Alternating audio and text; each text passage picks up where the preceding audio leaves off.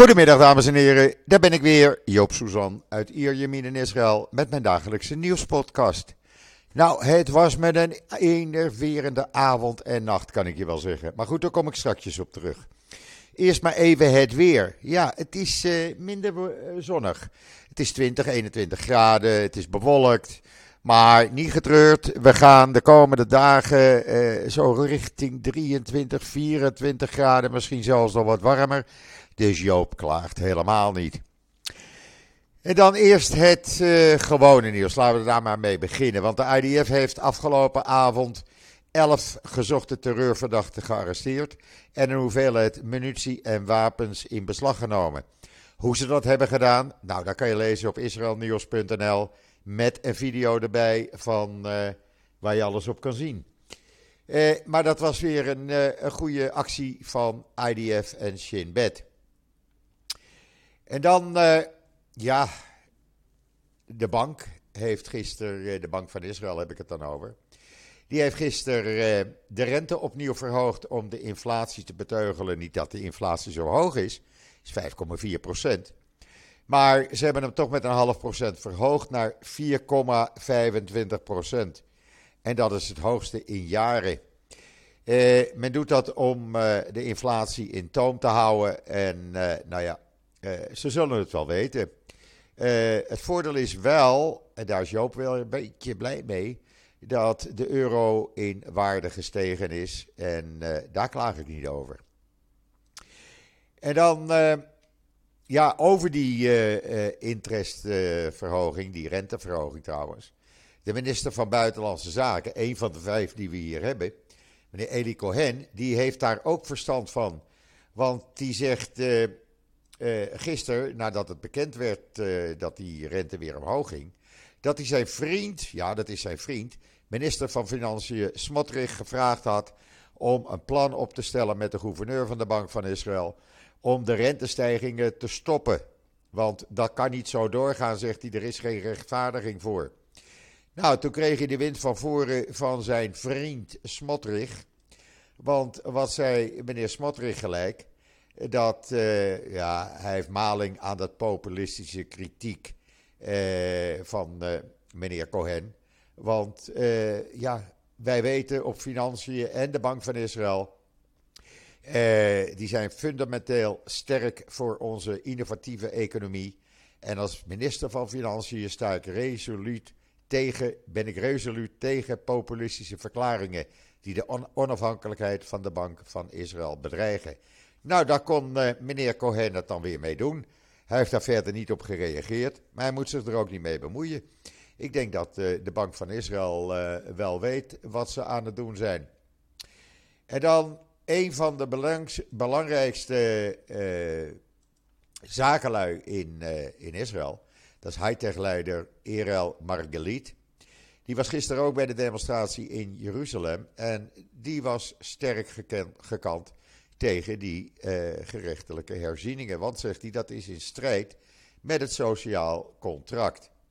Uh, Margalit is uh, voorzitter en oprichter van Jeruzalem Venture Partners, uh, Margalit Startup City. Dat is uh, ja, eigenlijk het grootste innovatiebedrijf in Israël. Heeft ook kantoor in New York.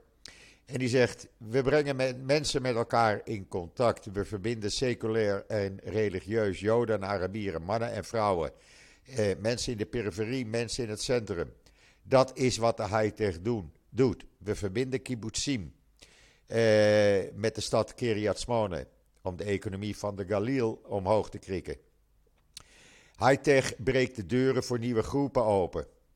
En zonder, vrij, zonder een vrij land zal er geen vrije economie zijn. Met dit stuk wet, wetgeving wordt het sociale contract tussen het hele volk van Israël geschonden. Het winnen van de verkiezingen, zei hij, geeft niemand, maar dan ook niemand, het recht om de Israëlische samenleving te ontmantelen en om de waarden van gelijkheid en democratie te vernietigen. Vergis je niet, de strijd voor democratie in Israël is een strijd voor het karakter van het Joodse volk. En sprekend over de plannen van de regering, eh, waar ik zo dadelijk meteen op kom, zei hij nog: U wilt een gesloten samenleving. U wilt een natie die de ander als een verschoppeling ziet. Onze joodsheid is niet minder spiritueel dan die van u. Voor ons is Jeruzalem geen verdeelde stad, maar een verenigde stad. En hij zegt: Ik ben trots op iedereen die week in week uit gaat demonstreren. Het meest trots ben ik op onze demonstraties in Jeruzalem tegenover de Knesset en het Hoge Rechtshof. Van hieruit, uh, hier in Jeruzalem, de hoofdstad van het Joodse volk, zeggen we: we zullen onze democratie niet verliezen en we zullen geen dictatuur toestaan. Nou, daar komt meneer Netanyahu en zijn club het mee doen. Maar wat gebeurt er? Ja, gisteravond, uh, niemand die iets anders had verwacht. Maar uh, ja, gisteravond werd er dan rond middernacht, na, net na middernacht, gestemd over de eerste van de drie stemmingen voor de wetswijzigingen waarmee de regering de meerderheid krijgt in de commissie die de rechters benoemt. En de wet waardoor het Hoge Rechtshof haar recht verliest om gerechtelijke toetsing uit te oefenen of basiswetten te schrappen. Dat is de eerste van de drie stemmingen voordat het wet wordt. En je kan je afvragen, is dit het begin van het einde? Ik denk dat het het begin is van uh, nog grotere demonstraties en het einde van deze regering. Want uh, alhoewel de regering de stemming dan met 63 voor en 47 tegen zonder onthoudingen heeft uh, aangenomen. En er waren natuurlijk Israël Betenu was er niet bij, die boycotte de stemming. de wetgeving gaat nu terug naar de Knesset-commissie Grondwet, Recht en Justitie. Ter voorbereiding voor de tweede en derde lezing. die coalitie, regeringscoalitie, heeft gezegd: ja, nu we het in eerste instantie hebben aangenomen, nu willen we wel praten met uh, de oppositie en president Herzog. Ja, maar dat is de pin op de neus zetten. Dan, uh, dan heb, je, heb je ze klem. En dat wordt niet gepikt. Want wat krijg je nu? Als deze wet wordt aangenomen, dan van de, voor de benoeming van rechters, daar is een negentellende commissie voor. Daar zitten ook uh, leden van de advocatuur in. En er zitten mensen uit het publiek in. En mensen uit de Knesset. Maar wat blijkt nu? Van die negen leden, in, zoals de regering het wil, zijn er vijf uit de coalitie en één uit de oppositie. Dat betekent dat uh, de coalitie, de regering die aan de macht is, op dat moment altijd de meerderheid heeft in het benoemen van rechters. Uh, en uh, ja, uh, dan kan je zeggen dat is een soort dictatuur. Want dan, die commissie speelt helemaal geen rol meer. Dat is een wassen neus. En ook het Hoge Rechtshof kan dan geen wetten meer toetsen, basiswetten meer toetsen en zeggen dit kan niet juridisch gezien. De Knesset bepaalt en dan gaat het gewoon door. Nou, dat kan natuurlijk niet. Eerder al had de juridisch adviseur van de Knesset, een onafhankelijk persoon, dat is advocaat Goer Blieg, uh, en die is van de Knesset Constitution Law and Justice Committee, die had gezegd dat deze wetswijziging het recht op vrijheid van meningsuiting en andere fundamentele burgerrechten allemaal onbeschermd laat. Uh, dit kan gewoon niet, zegt hij. En dit ruikt naar dictatuur. Hij merkte op dat verschillende fundamentele burgerrechten, zoals het recht op gelijkheid, vrijheid van, menings, eh, vrijheid van meningsuiting, eh, niet zijn afgebakend in een van de quasi-constitutionele basiswetten van Israël, maar inherent zijn geworden aan het juridisch landschap van Israël, als gevolg van uitspraken door het Hoge Rechtshof. De rechtbank ontleent dergelijke rechten interpretief aan die basiswetten. En uh, ja, de menselijke waardigheid en vrijheid wordt hierdoor aangetast. Nou, daar trekt deze regering zich allemaal niets van aan. Uh, ze hebben zes uur uh, vergaderd, iedereen is aan het woord gekomen. En daarna is die eerste stemming dus aangenomen. Ja, en dan krijg je de reacties uit de politiek. En ja, wat blijkt? Natuurlijk, uh, Netanyahu tweette onmiddellijk na de goedkeuring uh, een grote nacht en een grote dag. terwijl Lapid antwoordde: leden van de coalitie, de geschiedenis zal u veroordelen voor de schade aan de democratie. dan had je nog Likud-minister van Sport, Mickey Zohar. Vanavond hebben we uitstekend nieuws ontvangen voor de democratie van Israël. Het zijn allemaal leugens. Uh, en dan uh, zei uh, Lapid verder nog: De geschiedenis zal u veroordelen voor deze nacht. Voor deze schade aan democratie, economie en veiligheid. En voor het verscheuren van het Israëlische volk in stukken. Het kan jullie gewoon niet schelen. Gans, Benny Gans, tweette: Een zwarte avond voor de democratie. Morgenochtend zetten we de strijd voort.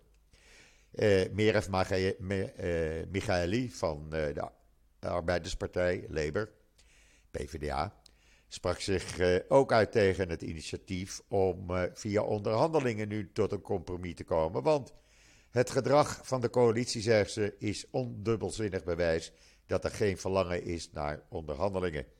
Het verklaarde doel van hen is om de democratie te overrompelen. En dat is gewoon zo. De organisatoren van uh, de demonstraties die waren ook woest. En die zeiden: Wij bevinden ons op het donkerste punt sinds de oprichting van de staat Israël. De Knesset van Israël probeert de waarde van de onafhankelijkheidsverklaring omver te werpen. Zo voelt het ook. Wij beschuldigen Netanyahu, zeiden ze, en de groep lafaards die hem omringen, van een opzettelijke poging om de vernietiging van het derde huis te bewerkstelligen en een poging om de kern van de democratie te schaden. Ja, het is, uh, het is gewoon zo. En wat blijkt nu? Uh, er is uh, een stemming, een peiling geweest gisteren van het Israel Democratic Institute. Het meest betrouwbare instituut voor peilingen wat we in Israël hebben. En wat blijkt daaruit? 66% van de bevolking is tegen beperking van de bevoegdheden en macht van het Hoge Rechtshof. Iets totaal anders dan Netanyahu en zijn club beweren. En onder die uh, mensen die, die erop tegen zijn, is 47% van de Likud-stemmers. Daar kan je nagaan, zelfs binnen de eigen Likud is men het dus niet eens met wat er nu gebeurt. En 66% is heel veel. Van de kiezers die op uh, de oppositiepartijen hebben gestemd, is het zelfs nog meer. 87, 87 uh, is tegen de bevoegdheid van de rechtbanken om, of van de rechtbank om basiswetten te herzien. En uh, van de Likud-stemmers, of een van de andere regeringspartijen, is 44% hierop tegen. Dat is erg veel. Het blijkt dat zelfs binnen de Likud en de regeringspartijen uh, men uh, het niet eens is met het beleid van deze regering. Verder bleek uit het onderzoek dat 63% van de Israëli's vindt dat het, het Judisch, juridisch selectiecomité haar evenwicht moet bewaren tussen rechters en politici. Dus niet de coalitie een meerderheid geven. Dus ook daar is men het niet mee eens. Men wil dus niet die, uh, die wet die de regering wel weet. Dit kan ook niet. Uh, ja, wat moeten ze hier nou mee? Ik weet het niet. Ik denk dat ze uh, dit gewoon in de prullenbak gooien. en er verder niets mee doen. Ze trekken zich gewoon niets aan van wat de bevolking wil. 70% van de Israëli's vindt trouwens dat de coalitie en de oppositie een dialoog moeten voeren om een compromis te bereiken. Eh, daarvan is 60%, van de stemmers die op de regeringspartijen hebben gestemd. En 84% is daarvan eh, mensen die op oppositiepartijen hebben gestemd. Maar ja, de regering doet dus niet wat uh, het publiek wil. Ondanks dat ze beweren in leugens dat ze precies uitvoeren wat de meerderheid van het publiek doet.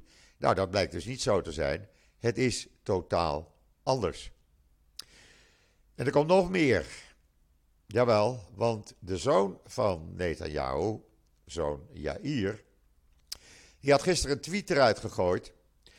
Uh, die heeft hij inmiddels uh, gauw verwijderd, want hij dacht weer een uh, proces aan zijn broek te krijgen. Maar die tekst is bewaard gebleven. En wat schreef meneer Jair Netanyahu? Wauw, de Shin Bet is betrokken bij een staatsgreep tegen de premier. Nou ja, dat kan je natuurlijk helemaal niet maken. Uh, ik weet niet waar die jongen dat vandaan haalt, maar ja, goed bezig is hij niet. Je kan het lezen en de tweet nog zien in uh, Engels. Uh, hij heeft al een aantal processen aan zijn broek. Hij moet al tonnen aan euro's aan schadevergoeding betalen, wat hij niet wil. deze jongen is lekker bezig. Het lijkt zijn Ja, en dan komt er nog een groter probleem voor Netanyahu en voor Israël om de hoek kijken. Want de grootste filantropen uit de diaspora, met name uit Amerika, die zeggen: regering Netanyahu, de gerechtelijke revisie bedreigt de Israëlische economie. En eh, wij willen daar niet aan meewerken. Eh, het zijn de grootste filantropen voor Israël uit Noord-Amerika. En eh, ja, als je zo doorgaat, zeggen ze, met eh, het omstreden plan om de gerechtelijke macht te herzien, dan waarschuwen jullie voor de gevolgen. Daar zitten 15 grote donoren- en liefdadigheidsstichtingen onder, waarom bijvoorbeeld Birthright, Charles Bronfman, die dat opgericht heeft. En ze hebben dat in een brief aan Netanyahu gepubliceerd. Eh, ik denk dat als Netanyahu verstandig is, hij gewoon nu de zaak stopt. Want als je leest in de Times of Israel wie hier allemaal bij zitten bij deze filantropen, ja, dat zijn echt de grootste uh, financiële steuners van Israël. En die moet je niet tegen je in het harnas jagen. Wat doe je dat? Ja, dan ben je, dan ben je een enorme kracht kwijt. Uh, ja, dan hebben we president Herzog nog. Die uh, zegt, uh, na de wetgevende staatsgreep moet de coalitie genadig zijn in de overwinning. Dus Herzog ziet het ook helemaal niet meer zitten. Maar ja, wat kan die man doen? Hij kan ook weinig doen. We hebben hier gewoon te maken, en zo voelt het ook mensen. we hebben met een soort staatsgreep te maken. Waarbij de regering gewoon doet wat ze wil en zich niets aantrekt en leugens rondspreidt uh, die niet waar zijn. En dit kan niet zo doorgaan. Ik geef je op een briefje. Donderdag zijn er weer demonstraties. Dan staken de scholen, middelbare scholen, maar ook kleuterscholen, lagere scholen. En zaterdagavond wordt een gigademonstratie weer door het hele land. Ondertussen heeft het hoofd van de, de Shin Bet de leiders eh, van de politieke partijen gewaarschuwd voor het uh, toenemend potentieel voor geweld in de samenleving. En zij moeten er alles aan doen om middels het publieke debat uh, te zorgen dat er rust komt in de tent. Want dit kan niet zo. Hij heeft de Netanyahu hiervan op de hoogte gesteld. Hij heeft minister van Justitie Levin gesproken. En hij heeft het duidelijk gemaakt: jongens, de sfeer is aan het opwarmen. Dit gaat niet goed. Levin krijgt doodsbedreigingen. Lapid staat onder strengere bewaking. Ja, waar moet dat heen? Waar moet dat heen? Eh, we hebben een minister van Nationale Veiligheid die, uh, ja, nou, eh, laat ik daar maar niks over zeggen. Want dan, uh, dan word ik alleen maar kwaaier. Goed, dit is wat betreft de Shin Bet.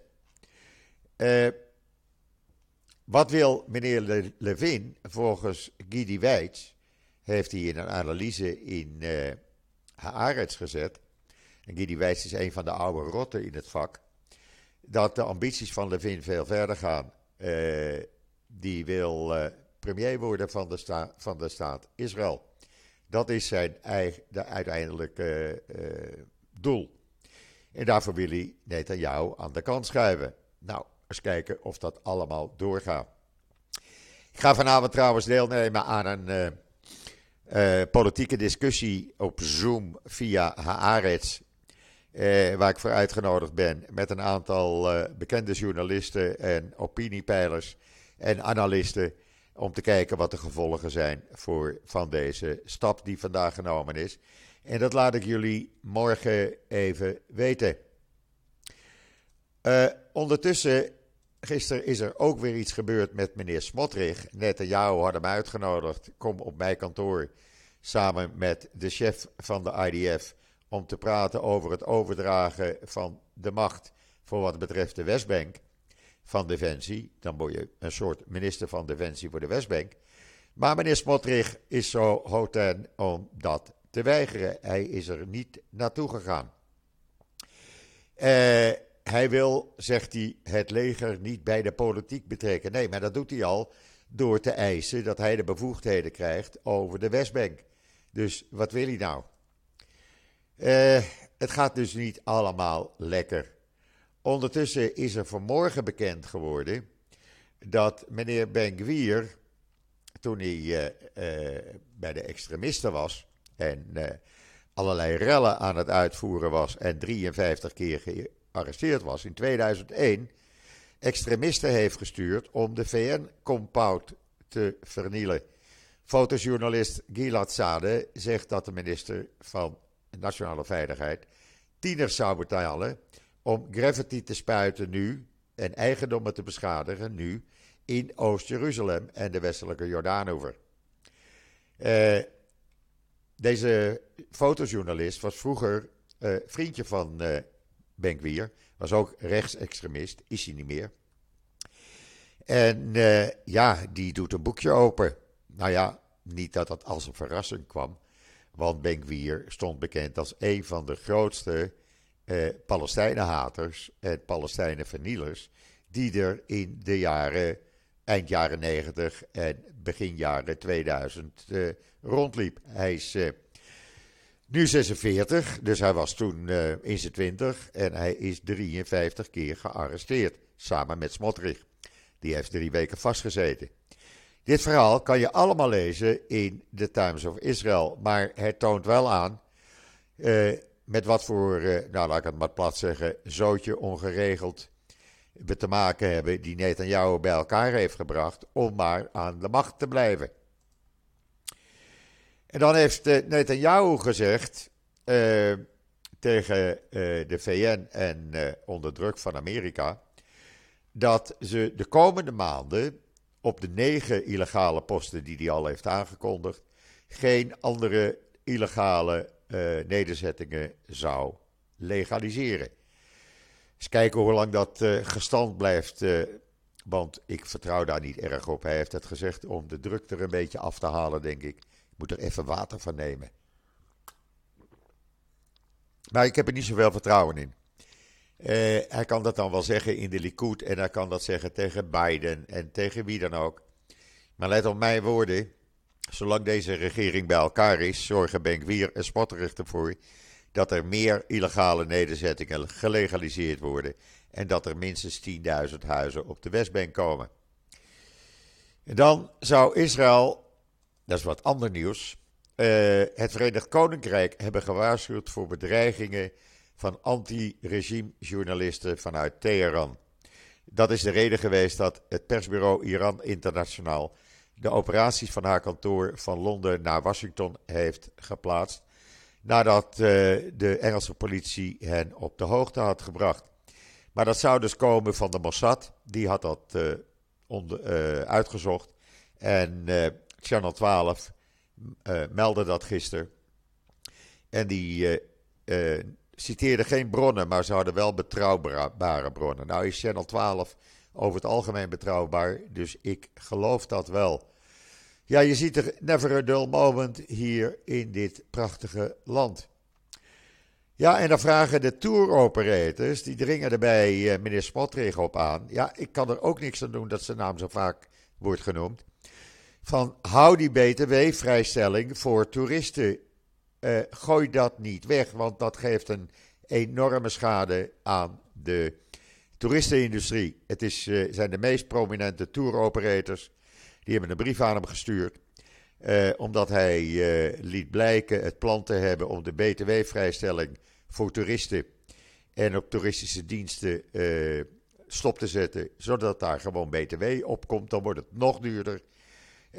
dat verhoogt de prijzen enorm eh, als er 17% bij komt. Dat kan gewoon niet. Eh, hotels worden duurder, autoverhuur, restaurants, reisbureaus, nou ja, noem het maar op. Dit gaat niet goed. Maar ja, we hebben een minister van Justitie. Hij kan tot tien tellen, maar hij heeft nog nooit uh, van, uh, of sorry, van Financiën. We hebben een minister van Financiën die tot tien kan tellen, maar geen flauwe notie heeft van economie. Als hij daar iets over moet weten, gaat hij naar zijn rabbijn. Ja, dat werkt natuurlijk niet. Dus ja, ik hoop dat die BTW-vrijstelling blijft.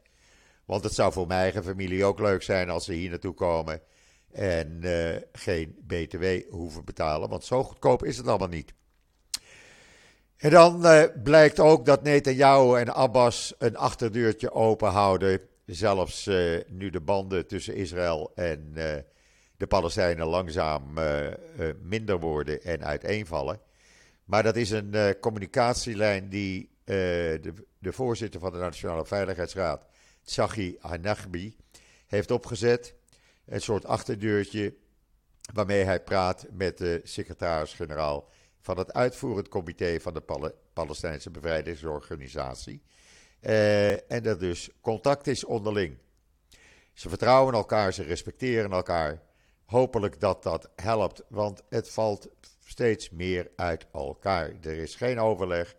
Je moet een beetje overleg met elkaar hebben, anders gaat het fout. Toen uh, Lapid en uh, Bennett premier waren, toen werd er vaak uh, over en weer even koffie gedronken, thee gedronken, hapje gegeten. Er was contact met Abbas en zijn zogenaamde ministers. Dat is er nu helemaal niet meer. Dit gaat dus hartstikke fout. Maar ja, wat wil je als je een regering hebt die zegt: wij weten het beter dan wie dan ook en wij uh, volgen de wil van het volk? Ja, uh, niemand gelooft zo langzamerhand meer in deze leugens en bedrog. En nogmaals, ik zei het al eerder: ik verwacht de komende dagen veel grotere demonstraties. Want de mensen zijn echt wakker geschud. Ze zien wat er gebeurt, ze zien wat er op het spel staat. Het is onze democratie en het is onze vrijheid die wordt aangetast. En daar staan we voor op de barricade. En Joop doet dat ook. Ik kom er eerlijk vooruit en jullie mogen me in Nederland allemaal blijven beschuldigen. Ik krijg ze bij bosjes, linkse activist, linkse activist uh, uh, anti-Netanyahu, uh, fan van de linkse partijen. Nou, dat ben ik allemaal niet. Ik kom op, zoals honderdduizenden Israëli's hier, voor de democratie, voor onze vrijheid, voor het democratische land wat Israël altijd is geweest en altijd zal en moet blijven. Goed, dat brengt mij tot het einde van deze podcast. Nogmaals, never a dull moment. Er komt nog veel meer nieuws de komende dagen. Ik blijf jullie op de hoogte houden met de feiten zoals ze zijn. Ik wens iedereen nog een hele fijne voortzetting van deze dinsdag, de 21 februari. Ik ben er morgen weer en zeg zoals altijd: tot ziens, tot morgen.